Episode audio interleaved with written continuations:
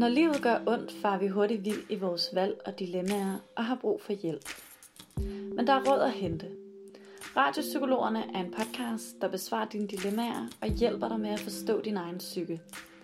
Vi ser det som vores fornemmeste opgave at brede den viden ud, vi til daglig bruger i vores arbejde som psykologer. Og så er det selvfølgelig helt nede på jorden. Tak fordi du lytter med. Velkommen til dette afsnit af Radiopsykologerne, hvor vi igen i dag tager et brev op, som vi har fået af en af vores lytter, øh, som, øh, som vi glæder os rigtig meget til at, øh, til at diskutere. Lige nu der øh, sidder vi herinde i et lokale, der har lidt mørkt udenfor, øh, eller det begynder at blive mørkt en sen eftermiddag. Øh, Charlotte, hvor sidder vi henne? Jamen altså, vi sidder jo her i Ung Terapi, som vi plejer, men i dag så har vi øh, stjålet Josefines lokale, uden at hun ved det. Og det, det Undskyld, Josefine. sidder vi lidt og knækker over. Vi bare har stjålet hendes lokale og hendes sofa. Ja. Øhm, har virkelig hyggeligt herinde hos hende. Det er øhm, her. Det må jeg lige huske at påpege over for hende en anden gang, når jeg møder hende. Ja, vi blev smidt ud af det andet lokal. Vi var ikke så tjekket. Så øh, vi håber ikke, at der er nogen, der skal bruge det den her gang. Men øh, i så fald må vi lige lave en pause i vores optagelse. Det regner vi ikke med. Mm. Nej. Men det er i hvert fald nogle meget, meget hyggelige omgivelser, der sidder i. Så hyggeligt. Ja, mm. så hyggeligt. Mm-hmm. Så øh, yes. Ja. Så, og, så som altid, så kunne jeg jo godt øh, nu få lyst til at spørge dig, Maja, hvor er hvor er du henne i dag? Hvad har du med i dag, sådan helt ja. personligt og, og ja. privat? Og må vi lige få et indblik? Jamen, øh, udover at jeg selvfølgelig øh, har de her øh, psykologiske samtaler, har godt nok ikke haft nogen i dag, men man skal til at tage hul på en masse i morgen, som, øh, som jeg altid synes er spændende. Og, øh, og, og, og men også energikrævende, men, men mega spændende, så er jeg meget optaget af, at jeg, øh, at jeg simpelthen tager, øh, jeg tager til Prag med min mand i weekenden uden børn, og det er, øh, det er virkelig fedt. Altså vi sad i går sådan og bestilte hotel, og hvor er det, hvad er det vi skal, og alle de ting, steder vi skal spise og sådan noget. Og, og så var det der, at, at jeg kom til at tænke på, gud, hvordan kommer det til at blive at rejse uden de der børn? Øhm, jeg har virkelig forestillet mig, at det bliver godt, og jeg håber, at jeg kommer til at nyde det, og ikke være hende, der sidder der og tjekker øh, hver, hver anden time, hvordan det er, det går. Men, øh, men lige nu, der glæder jeg mig helt vildt meget til at få noget frihed, og kunne få lov til at sove lidt længe. Øhm, så, så, det, så det er der, jeg er øh, lige nu. Mm, ja. Mega sejt og omsorgsfuldt. Øh, omsorgsfuldt move, du har lavet der. Jeg troede lige, det var sådan lidt en... en øh, Nej, mega. Ej, jeg synes, det er virkelig inspirerende og noget, jeg godt kunne tage, tage til mig i mit eget liv. Ja. Øhm, så hvor er jeg henne i dag? Altså, jeg er jo lidt, lige nu så er jeg ret optaget af, at øh, op i mit hoved at forberede mig en lille smule på, altså på den personlige front i hvert fald, at forberede mig til, øh, jeg skal til Alandia om, øh, om tre dage med mine børn, og øh, det bliver skide hyggeligt. Det gør vi faktisk ret ofte. Det der. Altså ret ofte, så mener jeg, at vi gør det i hvert fald et par gange om året. Det ja. der med at tage til land, de er sådan hen over en forlænget weekend. Fedt. Altså sådan mig og pigerne som oftest, ikke? fordi jeg simpelthen synes, det er pisse fedt. Altså, ja. og det er et børne øh, slaraffenland, altså sådan med trampoliner og legeland, og mal din egen sparegris, og lav din egen bolcher, og øh, stå på skøjter, og så er der selvfølgelig det der kæmpe vandland der, som jeg husker fra min egen barndom. Øhm, min egen øh, supervisor vil jo sige, at det her, jeg laver sådan de her fantasi øh, luftkasteller for mine børn i forhold til at skabe en god barndom for dem. Og det, det er sikkert også et element i det. Men jeg synes faktisk, det er skide hyggeligt. Altså sådan noget rigtig kvalitetstid hyggeligt. Ja, det skal der også være noget af. Ja. Ja, ej, jeg vil sige, den der LaLandia, den har jeg ikke fået taget hul på endnu. Jeg tror, det har været et ret stort tabu igennem hele mit liv. Jeg har aldrig været der, men jeg hører også, at det er godt. Så, øh, altså som småbørns øh, forældre. Nu ved jeg, at der sidder sikkert en masse unge derude og tænker, what the fuck? Ej, nej, Maja, er så, du kender, så gamle? Ej, nej, så kender du ikke LaLandia, Maja. Der er også nogle kæmpe, det hedder tornadoen, og sådan nogle vilde vandrutsjebaner, som jeg ikke tør. Er det rigtigt? Ja, ja. Så, og som sådan de store øh, unger heller ikke tør. Og de unge mennesker, de tør dem selvfølgelig godt, fordi de er seje, ikke? medmindre de er nogle af de der piger, der bare står og kigger på, som Ej. jeg var. Men det er, det er altså stadig fedt. Det kan godt være, at storbypigen her er blevet lidt for øh, sådan, øh, hvad kan man sige, øh, skadet af alle de der, sådan, det var lidt usejt i hvert fald, men jeg tænker, som, som småbarnsforældre, så tror jeg, det lyder genialt i hvert fald. Vi skal bare lige selv overkomme den der, øh, den der ting. Øhm, eller eller, men jeg glæder mig til at høre, hvordan det, hvordan det har været. Jeg tror, øh, ja, det bliver godt. Det kan vi tale om næste gang. Det kan vi tale om ikke sige det så? men, men derudover, så har jeg faktisk også taget et brev med til dig. Og det er jo øhm, at den lidt mere øhm, alvorlige skuffe, eller det kan man sige, det er, det er langt det meste, vi, vi snakker om jo herinde. Øhm, men det er et brev, som jeg har valgt at tage med, fordi at det er, øhm, det er rigtig vigtigt, og det rummer mange dilemmaer. Jeg synes faktisk, at det også er lidt øh, svært, egentlig. Øhm, det er ikke fordi de andre ikke er så svære, men det her rummer rigtig mange, øhm, endnu flere dilemmaer, synes jeg, end der har været i nogle af de andre. Øhm, det er en, en mor, der skriver ind om, om sin søn, og, øh, og det er også bare lige for at sige her, at øh, her må alle skrive ind. Altså, øh, vi er jo, der kan man sige, primært øh, unge, unge psykologer, ungdomspsykologer. Øh, det er der, vi har vores spidskompetencer, og, og man kan sige, at den her mor har også skrevet om sin søn på 19. Men øh, man kan sådan set skrive ind til os med mange ting. Mm. Øhm, Ja, vi laver jo også familieterapi og forældresparing, så det er jo også det gør vi lige præcis. nogle af vores spidskompetencer. Ja, vi har, vi har mange spidskompetencer i huset heldigvis. Men, men nok om det. Jeg, øh, jeg har taget det her brev med, som jeg tænker, jeg lige vil læse for dig, Charlotte. Yes. Det hedder Kære Charlotte og Maja. Vores søn på 19 år har det meget svært. Har mistet sin kæreste for cirka 6 måneder siden. Hun har fået en ny, og han er fuldstændig knækket. Han går til psykolog, men når han er ked af det og nedtrykt, øh, og jeg spørger, om han har fået nogle værktøjer til at få de negative tanker væk, så siger han nej. Det er svært at få tid hos psykologen, som kun træffes et par gange om ugen.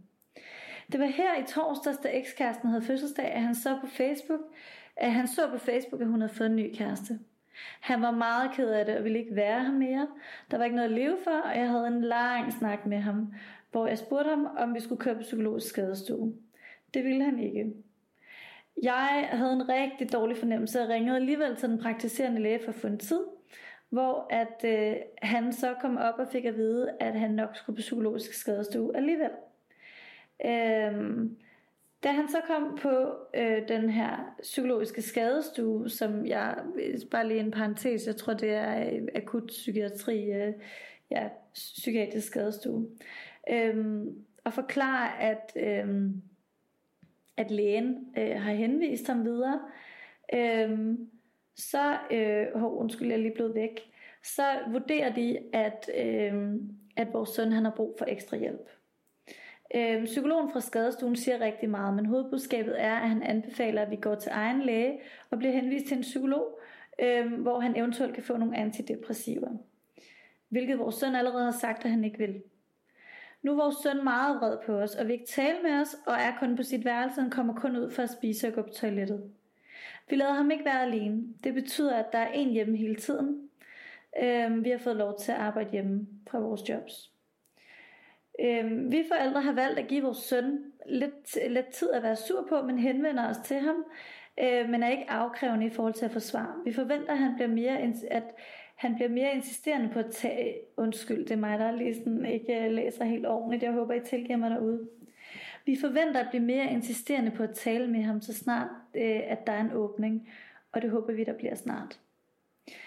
Øhm, vi tænker, at det godt kan være positivt, at han er sur på os, frem for ikke at ville mere. Det er også en form for engagement og livskraft, men det er svært at være i. Vi kan høre, at han taler med venner på nettet, og han spiser også rigeligt med mad. Men han ignorerer os, øh, når han henter sin mad, og vil ikke tale med os. Øhm, her til formiddag spurgte han, hvorfor jeg var hjemme. Og da jeg svarede, at jeg ventede på, at han ville tale med ham, så sagde han, at det havde, det havde jeg ikke fortjent, at han gjorde. Det var en lang indledning, men mit spørgsmål er, hvordan kan jeg hjælpe vores søn til at ville tage imod hjælp igen? Det var et kæmpe skridt, at han tog til vores læge og indvillede i at tage på skadestuen. Men det hjalp jo ikke. Hvordan skal vi give ham mod på noget andet igen? Hilsen den ulykkelige, utrygge og stadig grædende mor. Så det her, det var også et lidt længere brev, og der var mange ting i det. Øhm, men, men også en utrolig sådan omsorg. Jeg er i hvert fald sådan sidder tilbage med, jeg kan mærke fra den her mor. Hvad, hvad, hvad sidder du umiddelbart, Charlotte, og altså sådan tænker på, eller føler her oven på det her brev? Jeg tror, jeg er sådan lidt frustreret på, på, på søndens vegne i, i forbindelse med det her med, at, at han har ikke lyst til, umiddelbart så har han ikke lyst til at, øh, at gå sådan, tage, tage til egen læge eller psykiatrisk skadestue. Øhm, og, så, og så når han så endelig gør det, når han endelig indvilder i det, så får han ikke, øhm, så får han ikke den hjælp, han har behov for. Det synes jeg er rigtig, rigtig svært at høre. Fordi at jeg forestiller mig, at man, at, at man i den situation sidder og føler et kæmpe tillidsbrud på en eller anden måde. At man, øh, hvis, jeg, hvis jeg har det svært, og jeg har det svært med, at jeg har det svært, jeg har ikke lyst til, at der er nogen, der ved, at jeg har det svært. Så hvis mine forældre presser på, at, øh, at jeg skal til egen læge, eller jeg skal måske, hvad var det, han antidepressiv, eller ja. jeg skal øh, til psykiatrisk skadestue, øh, og, og jeg ikke har lyst til at tage afsted, for jeg har sgu ikke lyst til, at, at omverdenen ser, at jeg har det svært. Det er pisse privat, og, og det føles ubehageligt, og jeg har ikke lyst til at være det menneske, der har det svært på den måde. Sådan bare, og nu sætter jeg bare i situationstegn, fordi at, at jeg har slået op med min kæreste. Det er da voldnederen.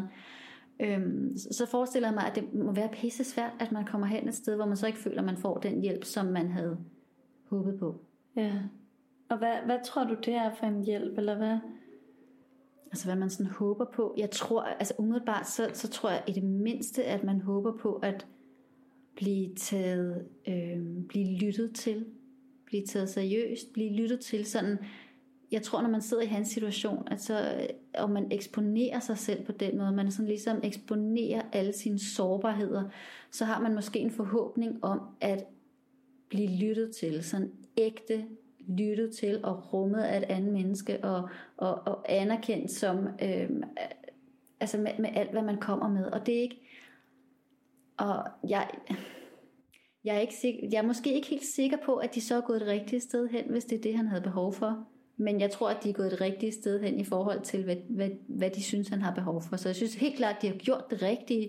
Mm. men jeg, jeg tænker at han måske havde forestillet sig at han ville blive mødt på en mere øh, psykologagtig måde, eller en mere terapeutisk måde, kunne jeg forestille mig. Mm. Men det er ikke nødvendigvis det, man møder øh, sådan umiddelbart i første møde på en psykiatrisk øh, skadestue, Nej. eller hos lægen. Nej. Der handler det måske lidt mere om, om screening øh, og vurdering, og det er, det er altså noget helt andet end den psykologiske hjælp, som han måske havde brug for. Altså, og jeg, jeg sidder lidt med en følelse af, at han... Øh, nok slet ikke er der, hvor at han egentlig har gjort sig nogle særlige tanker om, hvad han har brug for.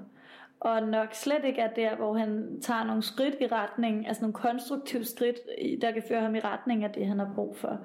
Altså jeg tror simpelthen bare, at han reagerer. Og øh, han reagerer i øst og vest, og lige nu der er det måske forældrene, der, der står for skud.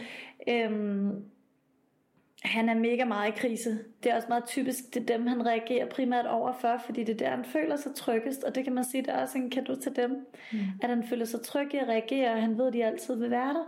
Og det viser de jo også klart og tydeligt. Altså, der er så meget omsorg det her fra forældrenes side, at jeg tænker, at, at de skal nok lykkes med at komme igennem på et eller andet tidspunkt. Øhm, det handler bare om, hvordan hvordan man lige får åbnet den ned. Ikke? Mm. Og så kan jeg jo godt blive sådan lidt, når du siger det der, så kan jeg godt blive sådan lidt nysgerrig på det der med deres rolle. Altså hvad de kan gøre for ligesom, du, hvad siger du, knække den noget, hvor du, ja. du sagde det? Altså det der med, det er som om, at, det er som om, at mor hun selv ligger op til det her med konfrontation.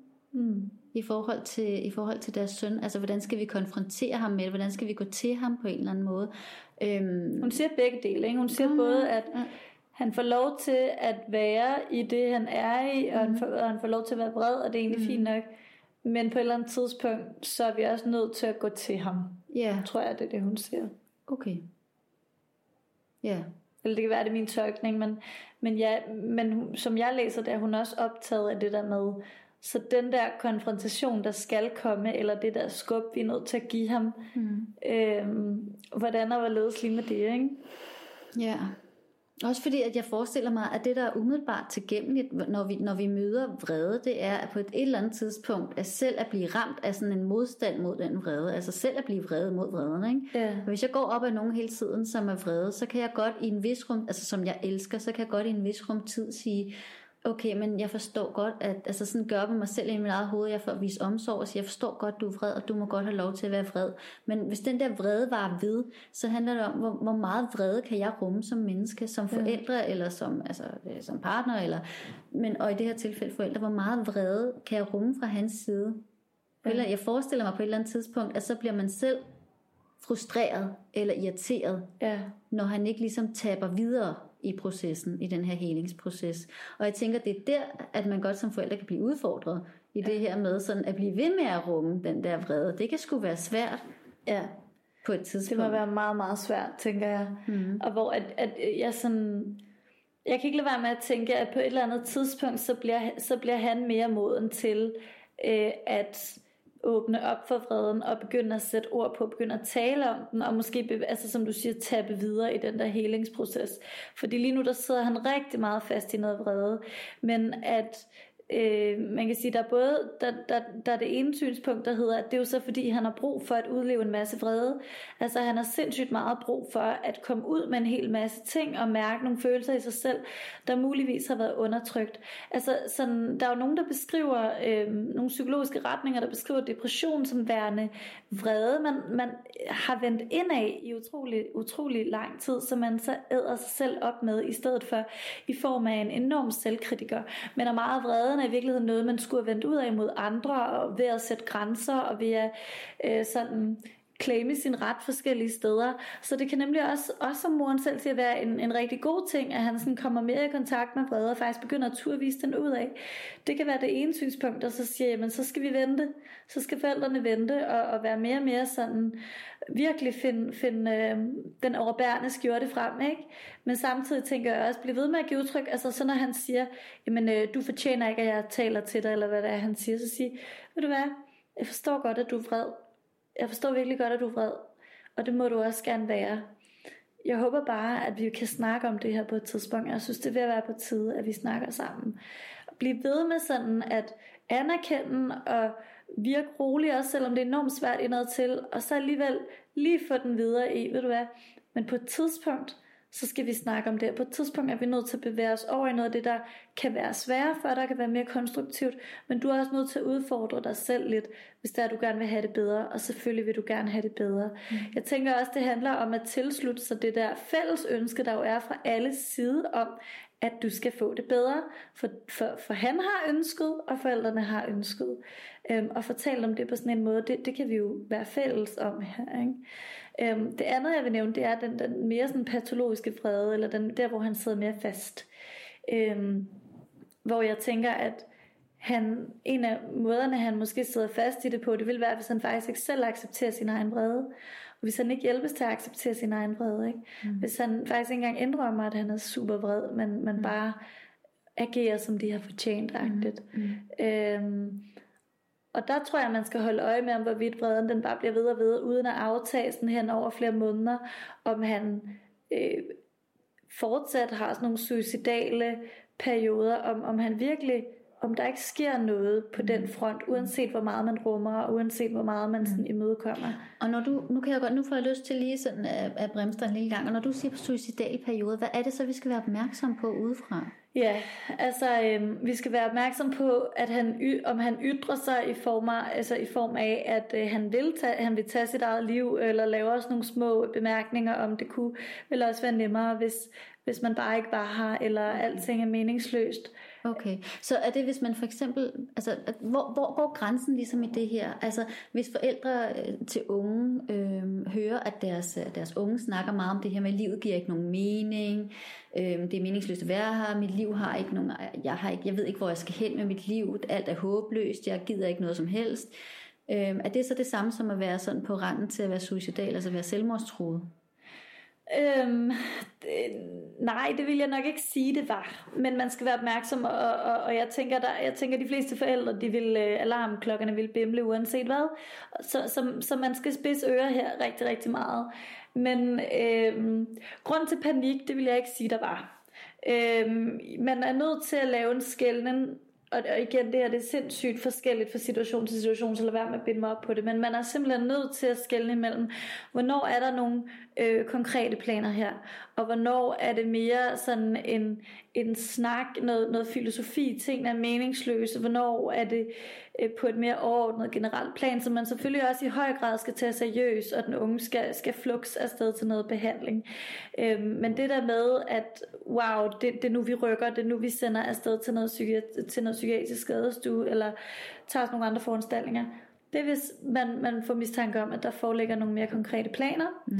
Og eller hvis at øh, man for eksempel har, øh, altså at personen enten har ADHD eller, eller på anden vis har nogle, øh, altså er ret spontan, altså godt kunne finde på at gøre et eller andet ekstremt, når vedkommende er en ked af det følelse, hvis vedkommende har gjort det før. Eller øh, den sidste ting er psykotiske øh, perioder. Hvis, hvis vedkommende har haft psykotiske perioder før, og nogle gange kan bevæge sig ned i dem, for så kan man nemlig også komme til mm. pludseligt at få nogle indfald. Mm. Øhm, men det er nemlig også vigtigt, at man ikke panikker for meget af det her, ikke? Øhm. Så er der, så, og det, det bliver jo så lidt sådan et retorisk spørgsmål, jeg bare stiller ud i luften her, sådan, for jeg får lyst til selv at svare på det. Så er der nogen af de her slags ytringer, man ikke skal tage seriøst? Der vil jeg jo selv sige sådan, der får jeg jo lyst til at sige sådan, nej. Altså også nej. selvom den unge bare snakker om, mit liv føles meningsløst. Ja. Jeg, kan ikke se, jeg kan ikke se sådan noget håb, jeg kan ikke se, hvor jeg skal hen i mit liv og så videre. Det giver ikke nogen mening, at jeg er her og så videre. Øhm, også selvom det bare ligger som jeg på den der mere filosofiske snak, så tænker jeg stadigvæk, at det er super vigtigt, at, at vi som forældre tager det seriøst 100%. og lytter og giver det nærvær, ikke fikser det, ikke går i løsningsmodus, ikke, ikke videre sender nødvendigvis lige med det samme, men, men, men tillader den der, det som de unge kommer med, eller det som vores børn kommer med, tillader, at det er der, og giver det plads, mm. og Helt lytter. Sikkert. Helt sikkert. Lytter, lytter, lytter, lytter. Altså bare fordi, at man ikke måske direkte er suicidal, øh, så er det jo også, øh, man kan sige, de der tanker, kan, altså er jo som regel forstadiet til, at man går videre med det. Og det er ikke for at sige, at det er der, den ender absolut ikke. Langt de fleste, de bliver i de her filosofiske tanker. Øhm, men, øh, men ja, spidsører uanset hvad. Bare det, at man siger de her ting, det er øh, noget, der skal få... Øh, noget, der skal få ind i handlingsmode, og mm. til, i hvert fald til, til at komme ud og hjælpe den unge. Mm. Øhm, men jeg kunne også godt tænke mig sådan, at tale lidt om det her med, øhm, at jeg tror, jeg synes, det er rigtig vigtigt, øh, nu, nu er han jo meget vred, men jeg tænker på et eller andet tidspunkt, at for, for mor og, og far og ham her sønnen til at øh, styrke deres forhold på anden vis, men netop også fortælle om, om det her på en anden måde, fordi jeg synes, det, at det bærer præg af, at deres relation lige pt. Øh, ikke er specielt stærk, og formentlig øh, måske også kunne forestille mig at have lidt lidt tidligere, eller sådan, det er igen også noget, jeg forestiller mig, men, men det, altså, det ved jeg ikke, jeg tænker under alle omstændigheder, at det vil aldrig skade dem at nærme sig deres søn på anden vis. Og det kan godt være, at han sætter, øh, han tager øh, barrierne lidt ned, hvis han kan begynde at mærke, at øh, nu, tager, nu tages der initiativ til andre aktiviteter, som ikke bare handler om, at vi skal snakke om depressionen, mm. eller om vi skal snakke om, hvorvidt du er suicidal, eller hvordan det går hos psykologen, men at vi snakker om alle mulige andre ting, Øhm, eller at vi øh, tager initiativ til at tage biografen, eller mm. kom nu med ud, eller altså en, prøv at involvere ham i livet på anden vis, som ikke kun handler om den alvorlige depression. Så man kunne godt forestille sig, at netop det her, hvis vi på skiftehold er derhjemme og, og, og holder øje med ham og overvåger ham, at vi på en eller anden måde forstærker den her sådan øh, vrede, som han sidder i, altså vrede rettet mod dem som forældre. Ja. Fordi at han måske føler sig overvåget, måske føler sådan noget mistillid eller noget tillidsbrud på en eller anden måde i forhold til, at nu sendte de mig afsted til nogle andre, jeg troede, jeg kunne få hjælp, og det kunne jeg ikke. Ja. Øhm, at, at, at, at det jeg hørte dig sige, det er så, at hvis vi for eksempel fokuserer på noget andet, i stedet for at fokusere på problemet, hvis vi fokuserer på, hvordan kan vi være sammen på en fed måde, hvad er det nu, du godt kan lide at lave, havde du lyst til pizza i dag, ja. øhm, hvad, hvad, hvem gamer du med lige nu, kunne, ja. du ikke, kunne du ikke have lyst til at invitere Peter forbi, i stedet for bare at sidde og game med ham. Præcis. Altså hvis vi, sådan, hvis vi får et andet fokus, et mere sådan kan man skal lidt positivt fokus. Ikke ja. at vi skal negligere problemet, men bare sådan sørge for, at det ikke kun skal være problemet, som er omdrejningspunktet i vores liv, og så kunne det være, at vi kunne styrke relationen på en fed måde. Ja, få lidt, få lidt lethed ind i det, ikke? Ja. Fordi han taler jo med nogle venner, siger mm. det, ikke? Altså, mm. han, der er jo andre aspekter af ham, som ikke er depressive. Mm. Øh, men, men, men, og, og det skal de jo også huske, at deres søn er jo også noget andet end den her depression, som du selv siger, men at de ser den meget kraftigt og meget udadreagerende, fordi der er noget i deres relation. Men hvis, hvis jeg er ret sikker på, at hvis de var en flue på væggen øhm, i hans liv, nu, nu laver han så ikke vildt mange ting, men hvis de så, hvad han lavede, så tror jeg sikkert, at de ville blive overrasket over, at han ikke virker deprimeret hele tiden. Mm. Men, men at det så er vigtigt for ham i relation til dem hele tiden at udtrykke, at han er meget vred, og han er meget deprimeret og alle de her ting, kan være alt muligt, der har noget med dem at gøre. Men at jeg tror, du har ret i, at der er nødt til at komme noget lethed ind i det. Samtidig og det er derfor, jeg synes, det er en svær problematik, så forstår jeg virkelig, virkelig også godt, hvorfor at forældre har rigtig svært ved at efterlade deres børn alene hjemme, når de har givet udtryk for kår, ikke lang tid for inden, at de var suicidale. Ikke? Mm. Og det tror jeg simpelthen, at forældrene er nødt til at snakke med øh, øh, deres søns psykolog om. Jeg ved godt, der er tavshedspligt, men på en eller anden måde at få sat gang i en samtale i forhold til... Øh, hvad vil du råde os til at gøre her? Er det så alvorligt, at vi skal blive hjemme og passe på ham?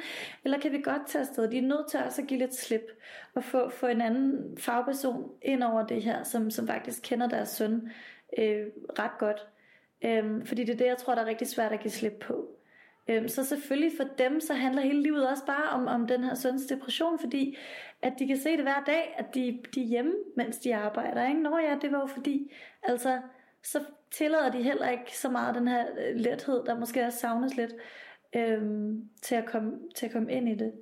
Øhm, en anden ting, jeg også gerne lige vil nævne, det er det her med antidepressiva.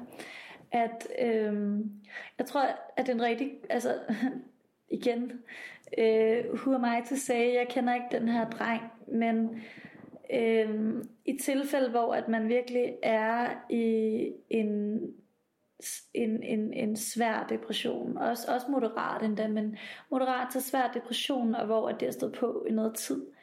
Øhm, og man ikke oplever, at der umiddelbart er, er fremskridt ved kun at, at være hos en psykolog, der primært nok vil arbejde med, hvordan man rent kognitivt ændrer sin måde at tænke på, fordi det er her, at der er rigtig mange, jeg vil kan kalde for øhm, forvrængninger, som man siger. Øhm, at så kan det sagtens være en rigtig, rigtig god idé at tage til sin læge og insistere på noget antidepressiv medicin. Øhm, jeg ved, der er mange, der er rigtig bange for det, og det er ham her sønnen også, og jeg taler med mange unge, der absolut ikke ved det af mange årsager. Det er rigtig sundt, at vi ikke bare øh, fylder piller i os, og særligt ikke antidepressiv, fordi jo, der kan godt være en grad af afhængighed i det, men øh, lægen vil også hjælpe med, at man trapper ud i et særligt program efterfølgende. Øh, forskning beviser simpelthen, at det er kombinationen af antidepressiv og psykoterapi med samtaleterapi, som er det allerstærkeste redskab til at få os ud af moderate til svære depressioner. Og det handler simpelthen om, at har man været i en depression i noget tid, øhm, så, altså, så er vores hjerne simpelthen ikke i stand til at danne de signalstoffer, som vi har brug for, for at føle den her glæde og meningsfuldhed i livet igen. Øhm, det er særligt en nedsættelse af stofferne serotonin og noradrenalin, som bliver svækket meget i den her periode. Og, og hvis man er rigtig uheldig, så er der også dele af hjernen, der skrumper. Altså det er, det er heavy stuff det her. Det, det er for real, det sker virkelig. Og det er også sådan til alle jer derude, der siger, at en depression, det er bare lige, ah, du har to ben, kom ud og øh, løb, løb ud i verden. Det er simpelthen ikke rigtigt. Altså en depression er ekstremt invaliderende, mm. og, og noget, altså der er fuldstændig det samme som en, en fysisk sygdom. Vi, vi bare har bare en tendens til at underkende det. Mm. Mm.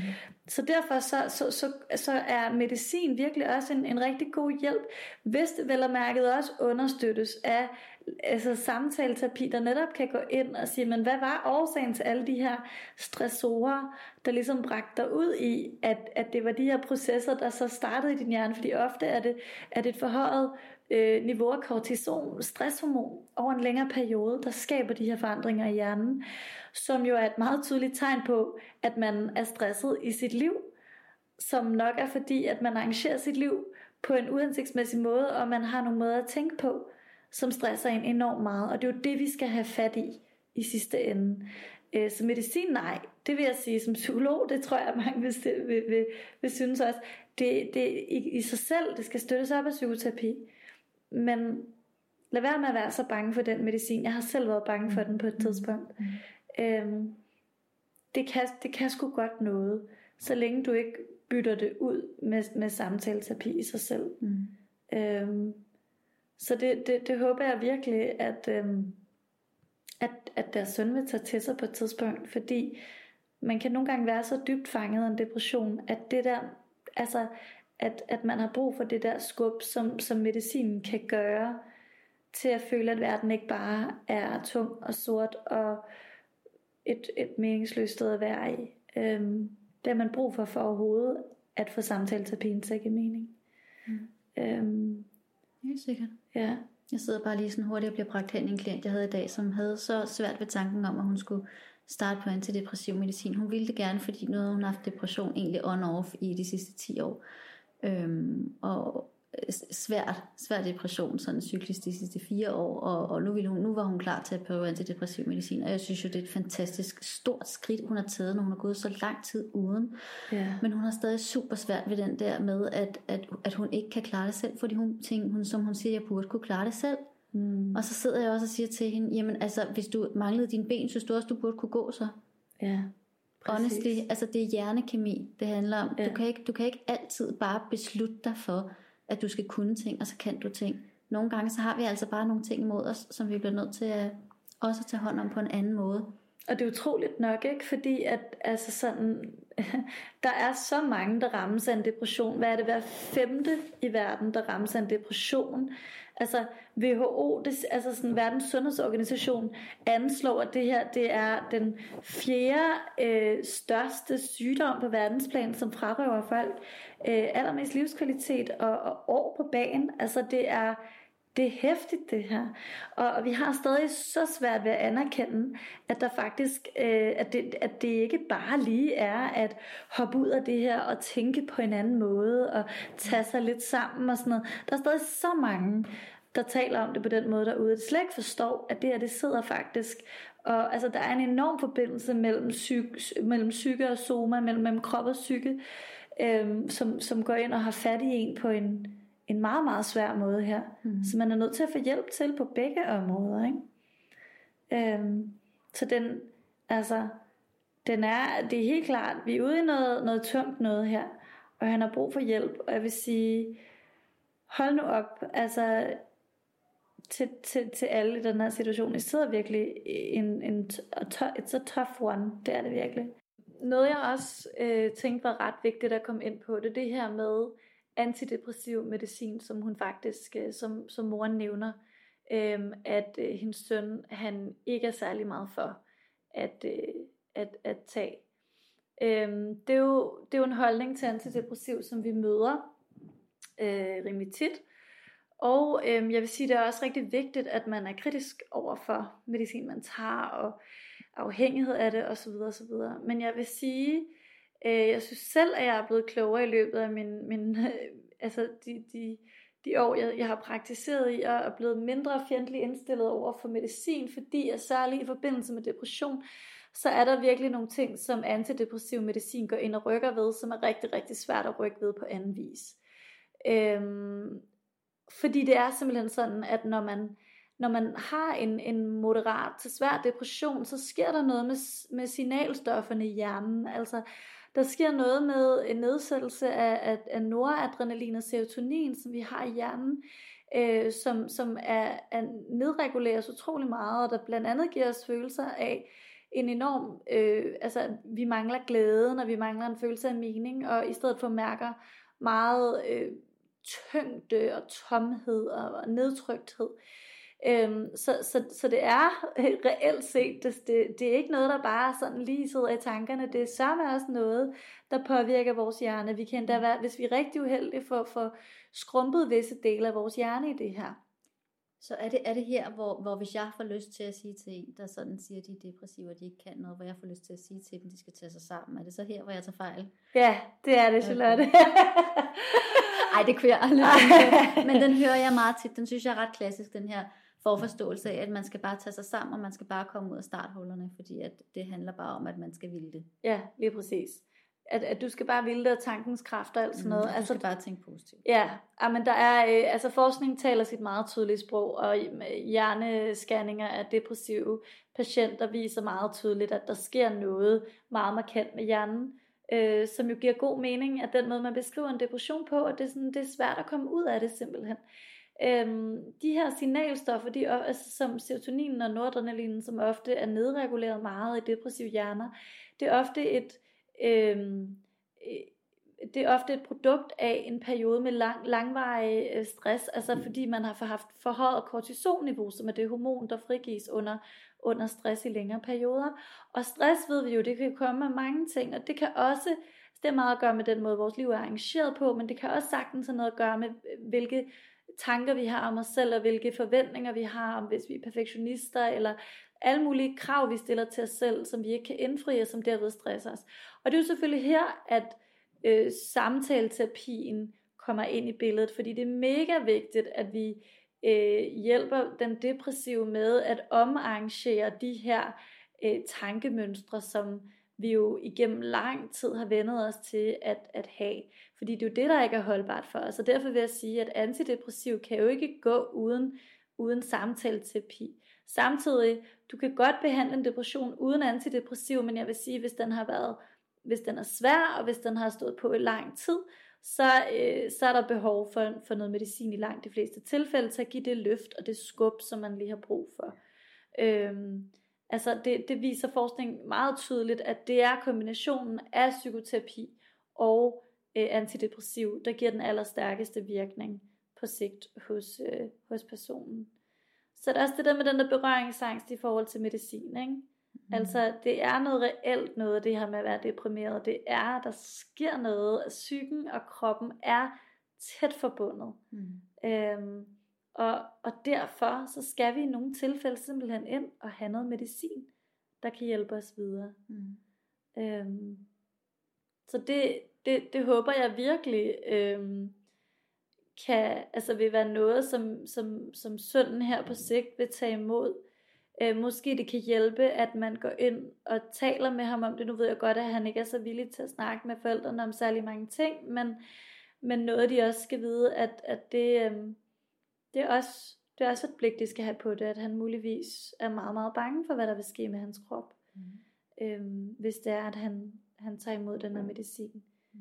Men at det er, det er ganske normalt, at han, at han ikke kan, kan bekæmpe det her af sig selv uden, uden antidepressiv. Mm. Ja.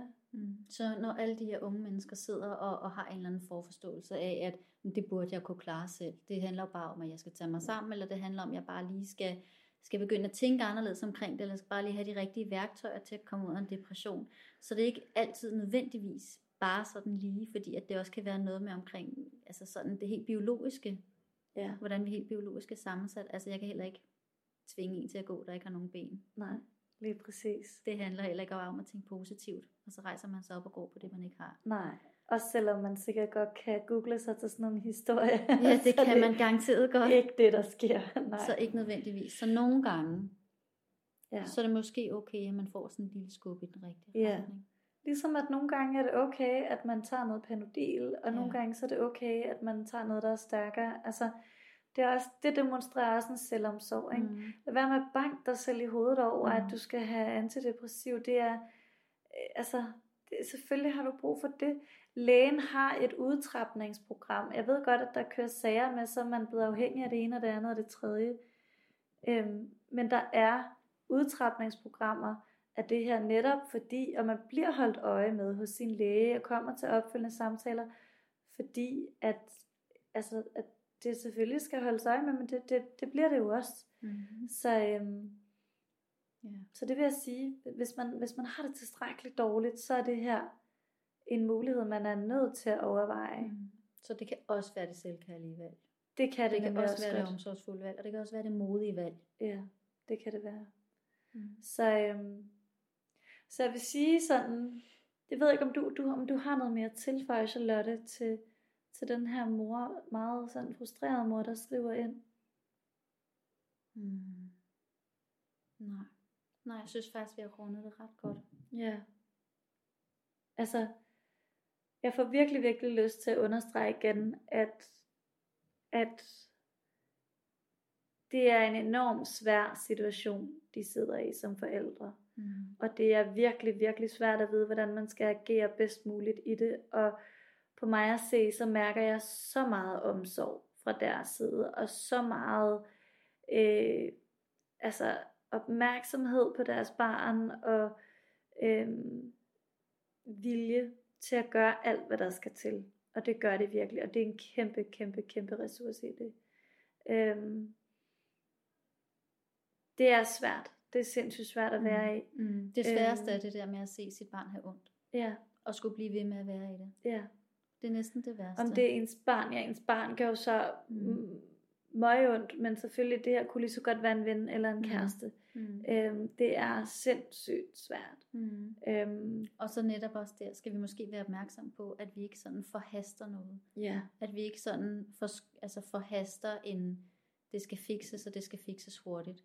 Fordi Ja. det er en proces, og det er en helingsproces, og det er en soveproces, og han skal igennem alle aspekter af det, og det hjælper ikke noget, vi skynder på ham. Nej. Og, og så længe han netop også bliver ved med at have en følelse af, at derhjemme er der trygt og sikkert, og jeg kan, være, jeg kan reagere og være meget vred, og mine forældre de rummer mig, og de vil stadig vise, at de accepterer mig. Øhm, så på et eller andet tidspunkt, så vil den her følelse lægge sig ned. Mm. Det er jeg ret sikker på, at den vil. Det vil Mm. den i langt de fleste tilfælde. Og så bevæger vi os videre hen af de her stadier, hvor han bliver nemmere at arbejde med for forældrenes side også. Mm. Men, men vredesfasen er en enorm hård fase at være i, og det er ikke til at Mm. sige, hvor længe den var. Men de kan kun have tillid til, at, at, det nok skal, at de nok skal komme videre i det. Og så selvfølgelig have øjnene åbne for netop det suicidale element osv. Øhm, ja. Mm. Men den er svær. Den er Mhm. virkelig svær. Øhm, men, men det var sådan, det, det, det sådan fornemmer jeg lidt af det, som vi har at give af her i dag. Øhm, jeg håber virkelig meget, at, øh, at moren, der har skrevet det her brev, lytter med, og kan få noget ud af det, få noget ud af det. Og at der er flere af jer derude, der også inspirerer sig af det, vi snakker om, og det får sat nogle tanker i gang i jeres egen liv. Det er vores aller, aller største mission her, det er at hjælpe så mange som muligt og inspirere. Øhm, igen husk, hvis du har noget, du gerne vil, en kommentar, noget feedback, et brev, noget vi skal diskutere, send det gerne til podcast-ungterapi.dk og, øh, og vi tager det til os 100%. Vi tager det op. Så øh, tusind tak, fordi du lyttede med, og vi høres ved.